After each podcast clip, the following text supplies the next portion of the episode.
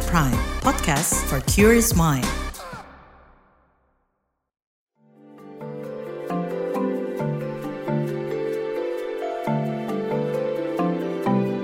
Saga, cerita tentang nama, peristiwa, dan fakta.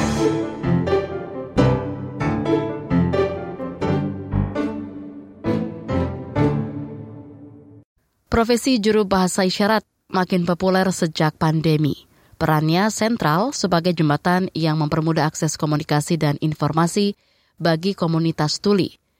Jurnalis KBR Nafisa Diana berbincang dengan salah satu penerjemah bahasa isyarat di platform silang.id, Putri Sri Hanitami, yang telah berpengalaman selama lima tahun lebih.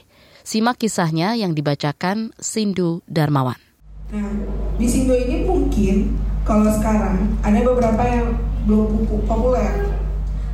Mata Putri Sri Hanitami menatap lekat isyarat-isyarat jari tangan Bagja Prawira, seorang teman tuli. Kita nggak bisa memaksakan orang-orang dengar harus belajar bahasa isyarat kalau tulinya aja tidak keluar rumah. Putri adalah JBI di silang.id, startup digital yang fokus memperluas aksesibilitas komunitas tuli. Silang.id didirikan salah satunya oleh Bagja Prawira. Kalau aku sendiri menjadi JB itu dari tahun 2018, eh, 2017 akhir sebenarnya, itu pun juga kecemplung. Putri lahir dari keluarga tuli, kedua orang tuanya tuli. Sehari-hari, mereka berkomunikasi dengan bahasa isyarat meski tidak formal. Eh, kedua orang tuaku tuli, kemudian di keluarga itu sekitar ada lima orang tuli. Dari omku, tanteku gitu kan dengan variasi ada yang memang pakai alat bantu dengar, ada yang tidak pakai gitu kan. Orang tuaku tidak yang termasuk yang tidak pakai. Bayangin kan aku memang kedua orang tuaku tuli tapi aku nggak pernah berisyarat. Jadi memang di keluarga itu kita cuma adanya home sign, isyarat rumahan aja yang kita orang-orang kita tahu doang dan kebanyakan verbal. Perjalanan Putri menjadi JBI dimulai pada akhir 2017 sang tante yang teman tuli memintanya menjadi penerjemah di sebuah acara. Meski awalnya ragu karena merasa tak mampu, Putri akhirnya setuju. Akhirnya ada acara dadakan dia dia datang dia ngajak saya. Dia ngajak saya untuk jadi JB bener-bener itu full cuman ah pakai tangan yang nggak jelas gitu kan. Dulu tuh masih nggak tahu artinya apa dan ya udah gitu. Sampai uh, akhirnya diajak terus dan belajar otodidak di mana ngelihat teman-teman sejawat yang lainnya gitu yang udah senior cara memperhatikan mereka menjuru bahasakan dari lisan ke isyarat isyarat ke lisan. Gimana etikanya itu pun aku belajar sendiri otodidak pandemi menjadi titik balik bagi teman tuli mereka sempat kesulitan mengakses informasi soal COVID-19 karena acara-acara online tidak menyediakan juru bahasa isyarat. Komunitas tuli, termasuk Bagja Prawira, lantas membuat surat terbuka kepada Presiden Joko Widodo. Dari mulai dari situ, itu uh, mulai aware nih pemerintah dan beberapa acara-acara yang memang harus adanya juru bahasa isyarat di setiap beritanya, di setiap uh, press conference-nya. Ini juga merupakan titik balik bagi para JBI seperti Putri. Ia kian sibuk karena banyak tawaran masuk. Klien pun bisa datang dari mana saja. Contoh misalkan ada klien dari Surabaya, kita bisa menjumlahkan dari dari Jakarta gitu tanpa kita harus fisik ke sana gitu, harus datang ke sana. Atau misalkan dari luar Pulau Jawa, sedangkan memang kan e, banyak teman-teman JB itu di Jawa itu banyak tapi di beberapa daerah itu juga ada tapi sedikit. Nah itu kan yang kekurangan SDM-nya di situ tuh yang mungkin uh, selama pandemik ini justru jadi membantu. Penghasilannya pun lumayan meski tentatif karena statusnya freelance. Mereka bisa mendapatkan sekitar 1 juta hingga 10 juta rupiah per bulan. Putri pernah menjadi JBI sampai 4 kali dalam sehari dengan rekor terlama sampai 12 jam kita biasanya mainnya tanya durasi. Aku pernah nge-JB dari jam 1 siang sampai jam 1 malam. Kakak sendiri?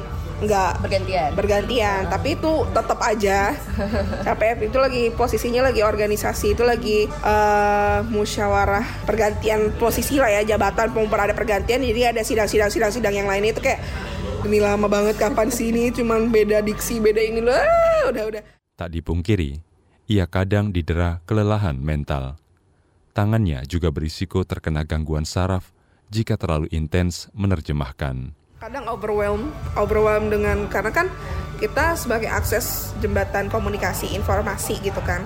di mana obrolannya itu kalau misalkan di beberapa te, uh, di tema-tema khusus entah itu tentang mental health, entah itu tentang kekerasan atau apa yang lain mungkin kita bisa aja jadi PTSD gitu kan. Takutnya kita juga ikut ke trauma, ke trigger dan yang lain-lainnya. Di sisi lain, banyak cerita berkesan. Seperti saat ia mendapat klien teman tuli dari Sulawesi. Putri sempat kerepotan karena varian bahasa isyarat yang digunakan berbeda. Beruntunglah, ada jalan keluar. Nah, kendalanya adalah di mana kita udah nggak gitu menangkap isyaratnya, sinyalnya juga jelek. Entah sinyalku, entah sinyalnya si Tuli gitu. Dibantulah aku sama Tuli lain yang menurut aku isyaratnya lebih jelas. Jadinya ada dua kali translasi tuh. Di mana si Tuli Sulawesi berisyarat diterjemahkan sama tuli dari Jogja temanku yaitu aku menjuru bahasakan lisannya melihat dari si tuli yang Jogja. Putri juga berkesempatan mendapat beragam pengetahuan baru sebab kliennya berasal dari bermacam latar belakang. Karena kan sekarang di Indonesia itu kan bukan kayak di luar negeri ya. Kalau di luar negeri itu misalkan di bidang kesehatan, YJB khusus kesehatan. Hukum, YJB khusus hukum. Politik, JB khusus politik. Gak bisa campur tuh.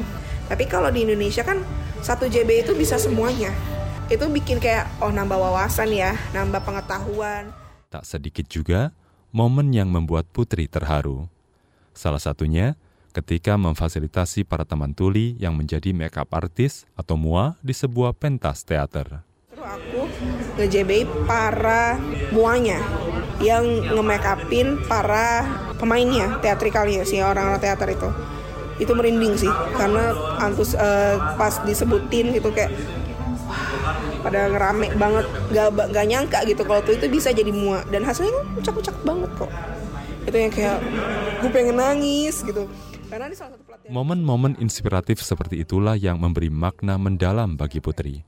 Juru bahasa isyarat bukan semata pekerjaan yang mendatangkan uang melainkan juga kebermanfaatan. Ya balik lagi sih kalau aku pengen emang seneng seneng bisa ketemu dengan teman-teman tuli apalagi juga bisa bermanfaat ke mereka nya di mana kita memberikan akses informasi menjembatani akses informasi tersebut. Yang paling happy banget adalah saat mereka mengerti apa yang kita sampaikan. Itu yang sangat dihappykan banget sih kalau oh ngerti iya ngerti gitu terus dia ter, uh, ngertinya itu nggak cuma sekedar ngerti gitu kan ya kadang-kadang kayak kita juga mm, ya ya ya ya tapi mereka ada actionnya itu kayak something new yang uh, sebelum-sebelumnya mereka mungkin nggak pernah ngelakuin karena tidak ada tidak ada yang akses. Demikian Saga KBR, saya Sindu Darmawan.